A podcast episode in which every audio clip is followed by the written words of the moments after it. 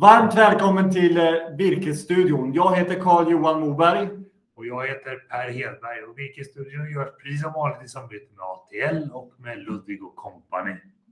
Det stämmer. Och vill man veta mer om vad de här gör så läs då ATL och eller gå in på ludvig.se. Vi befinner oss i slutet av februari månad. Det är verkligen vinter på många håll i Sverige och på vissa håll är det vår har vi rapporter om. Är det något annat som händer just nu Per?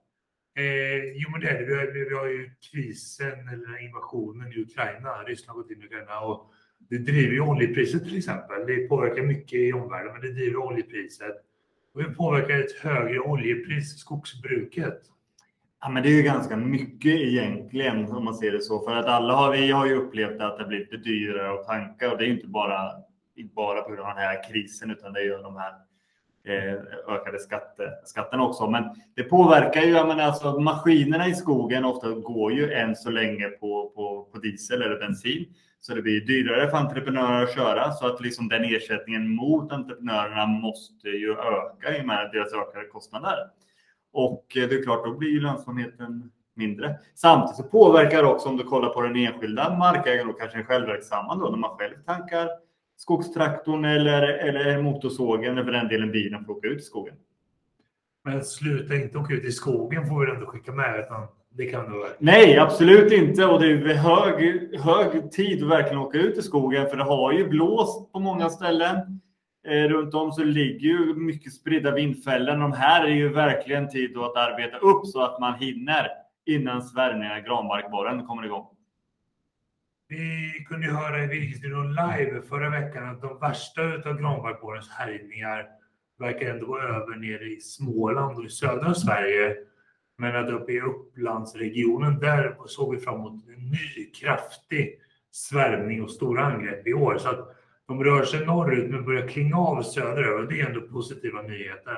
Ja, men det är positiva nyheter och mycket handlar ju om det att man i södra Sverige har ju haft problemet under längre tid, så rent biologiskt så klingar det av. Men man har jobbat väldigt. Många markägare har jobbat väldigt aktiva med att städa undan i skogen och varit ganska rationella i besluten.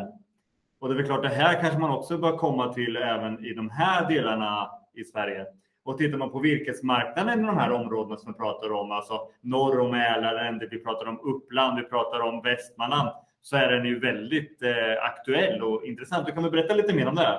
Jag tycker om vi bara biter oss fast i granbarkborren till att börja med så går det faktiskt att få vettigt betalt även med granbarkborrens skadat virke.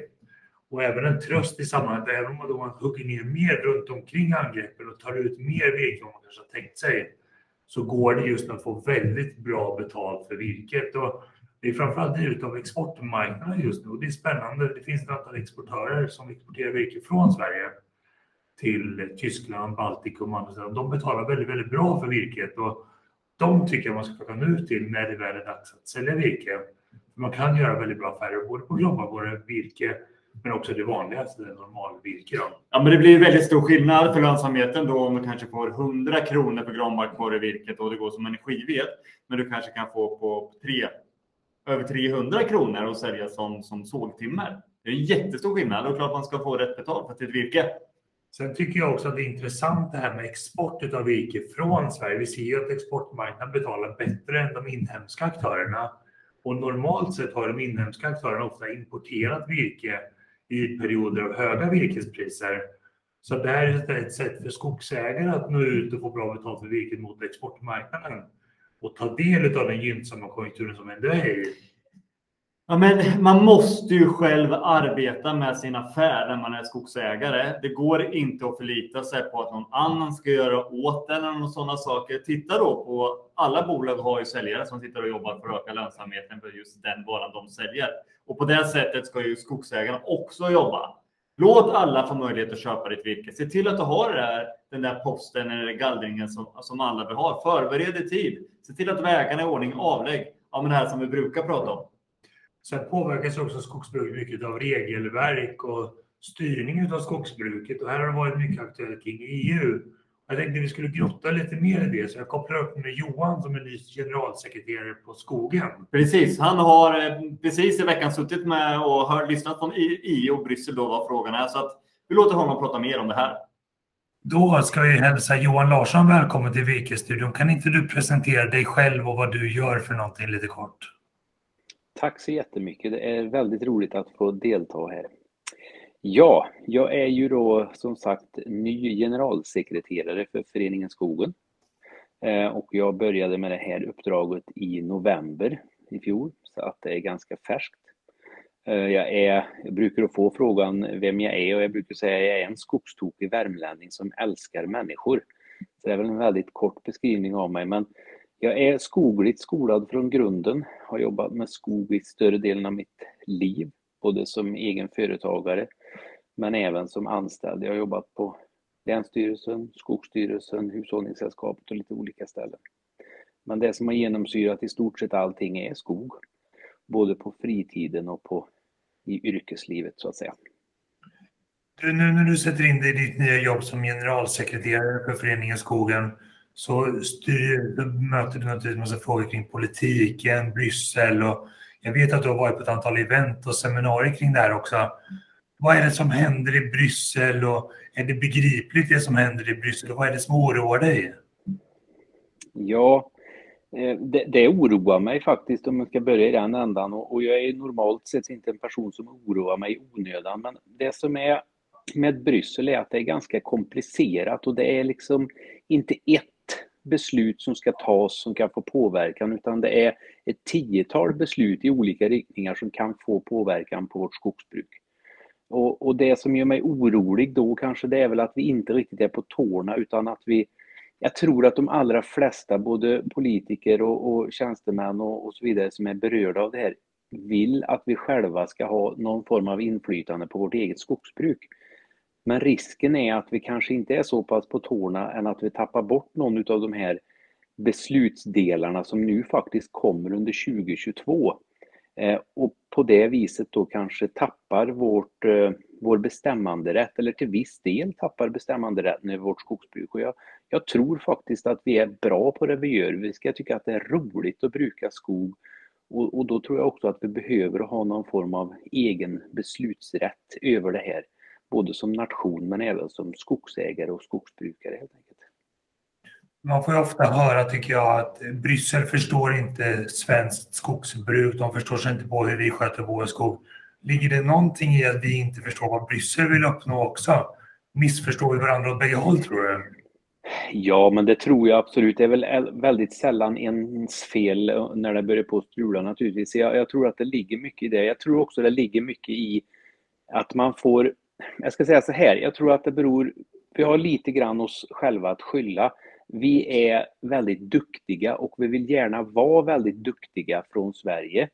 Eh, och det innebär att när vi ska rapportera till exempel hur vårt skogstillstånd ser ut så, så, så tar vi ifrån tårna och så presenterar vi från förindustriell tid eh, och vad som har hänt. Och det är klart att då ser det ju kanske inte riktigt så bra ut som de andra länderna som då presenterar från sitt intåg i EU och framåt. Alltså det blir en väldigt stor skillnad på vad för siffror vi presenterar till EU. Och då tittar de på den datan och så ser de, ja jösses, eh, hur ser det här ut? Här måste vi verkligen sätta ner foten för det, det, det är verkligen illa. Men, men, man har en helt, helt olika tidshorisonter att jobba med och olika förutsättningar och det, det, då ställer det till det för oss. Men helt klart så tror jag att vi får ju naturligtvis sätta oss in och jag, kan man säga så jag förstår ju själva poängen med besluten som vill komma från EU just nu med att vi ska minska klimatpåverkan, vi ska få en bättre mångfald och så vidare. Men jag tror att vi kanske behöver titta på vår egen skog och hur vi gör den och, och faktiskt också försöka att bättra oss på nationell nivå. Och hur skulle vi kunna göra det rent konkret tror du? Jag tror att vi måste fortsätta som vi har gjort, kolla på vår forskning, Eh, se till att vi jobbar med markskoning, se till att vi inte förstör, se till att vi avverkar på ett sätt som gör att, att eh, vi, vi, klarar den bi biologiska mångfalden, men också råvaruförsörjningen. Alltså vi måste se från båda håll på det här. Och vi, jag tycker vi är bra på det. Vi kan alltid bli bättre, men vi är bra på det. Och jag tycker att där är någonstans har vi lagt grunden för vad vi ska fortsätta med och försöka förbättra. Du, om vi blickar framåt, skog och skogsskötsel är inte bara politik. Om vi blickar framåt eh, mot 2022, vad mer för spännande saker tror du vi kan se fram emot under det här året? Ja, jag var tänkt att säga, vad kommer vi inte att få se det här året med, med valår? Vi har, har eh, Rysslands eh, oroligheter, vi har EU, vi har eh, artskyddsförordning. Alltså vi, jag tror att vi, vi kommer att få se allt eh, som har med skog att göra och väldigt, väldigt roligt. Jag hoppas att vi kan hålla det här på en, på en bra nivå och att dialogen runt skogen får vara det viktiga och inte kanske eh, svartmåla varandra utan att vi faktiskt tar lid och försöker att samverka i att komma fram och göra det här, det här vi gör bra ännu bättre. Men jag tror att det kommer att bli ett jättespännande år verkligen med allt ifrån valrörelse till EUs eh, diskussioner och deras beslutsår 2022 här. Så att vi, vi har mycket att se fram emot och eh, eh, sprida kunskap runt. Givet att vi lämnar en coronapandemi bakom oss med en uppseglande vårdbehov, vi har oro i omvärlden och sådana saker. Kommer skogen få något utrymme i valet och valdebatten tror du? Jag är helt övertygad om det och min gissning är att skogen kommer att ha en mycket större betydelse i valdebatten än den någonsin har haft.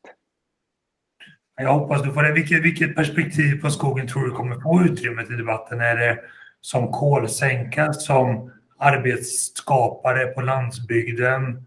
Eller vilken roll tror du skogen kommer få i debatten? Framförallt så tror jag kommer att ha ett klimatperspektiv, men jag tror ändå frågor som äganderätten, det som vi har sett dyker upp nu med artskyddsförordningen och våra möjligheter till råvaruförsörjning. Jag tror att de frågorna också kommer att, kommer att, att genomsyra det här. Så jag, jag, eh, som jag sa tidigare, jag tror ändå att, att det kommer att vara Skogen kommer att vävas in i väldigt många av de här frågorna och framförallt också hur ska skogen se ut i ett välfärdsperspektiv? Vad, vad bidrar det med där? Jag tror du har helt rätt. Jag tror också att en lågoddsare är att vi får se ett nytt höjdrekord på ett trähus som byggs under året. Så kan det absolut vara, vilket gör mig riktigt glad faktiskt. Verkligen, det är en spännande utveckling. Jag tror det kommer byggas mycket mer i trä och jag tror att skog och trä kommer få en allt större del i våra vardagar på något sätt. Lite beroende. Ja, ja, det tror jag också. Det är ju också helt rätt.